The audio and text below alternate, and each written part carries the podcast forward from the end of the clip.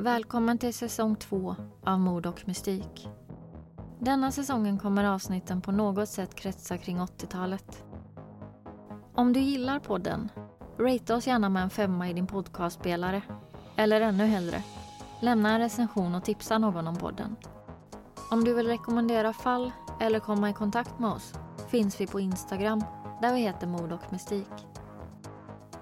Tack för att du lyssnar.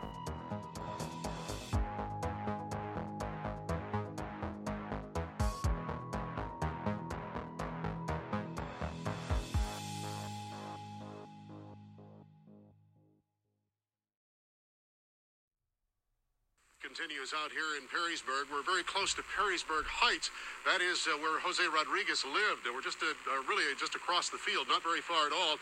Federal uh, searchers from the DEA, the FBI, also Toledo Police, Perrysburg, a lot of different agencies involved in this search, which is in this field behind me. There's still some activity. Night is starting to fall, so it is assumed and we're told they'll probably knock off for the evening but get started again early tomorrow morning as they continue looking for the remains of Cynthia Anderson at this location. Jerry? Lou, do we know if they have found anything whatsoever in their search so far?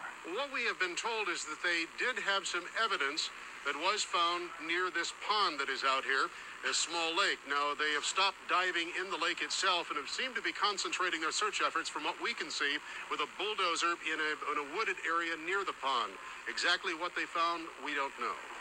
All right, Lou Bear with a live report from Perrysburg.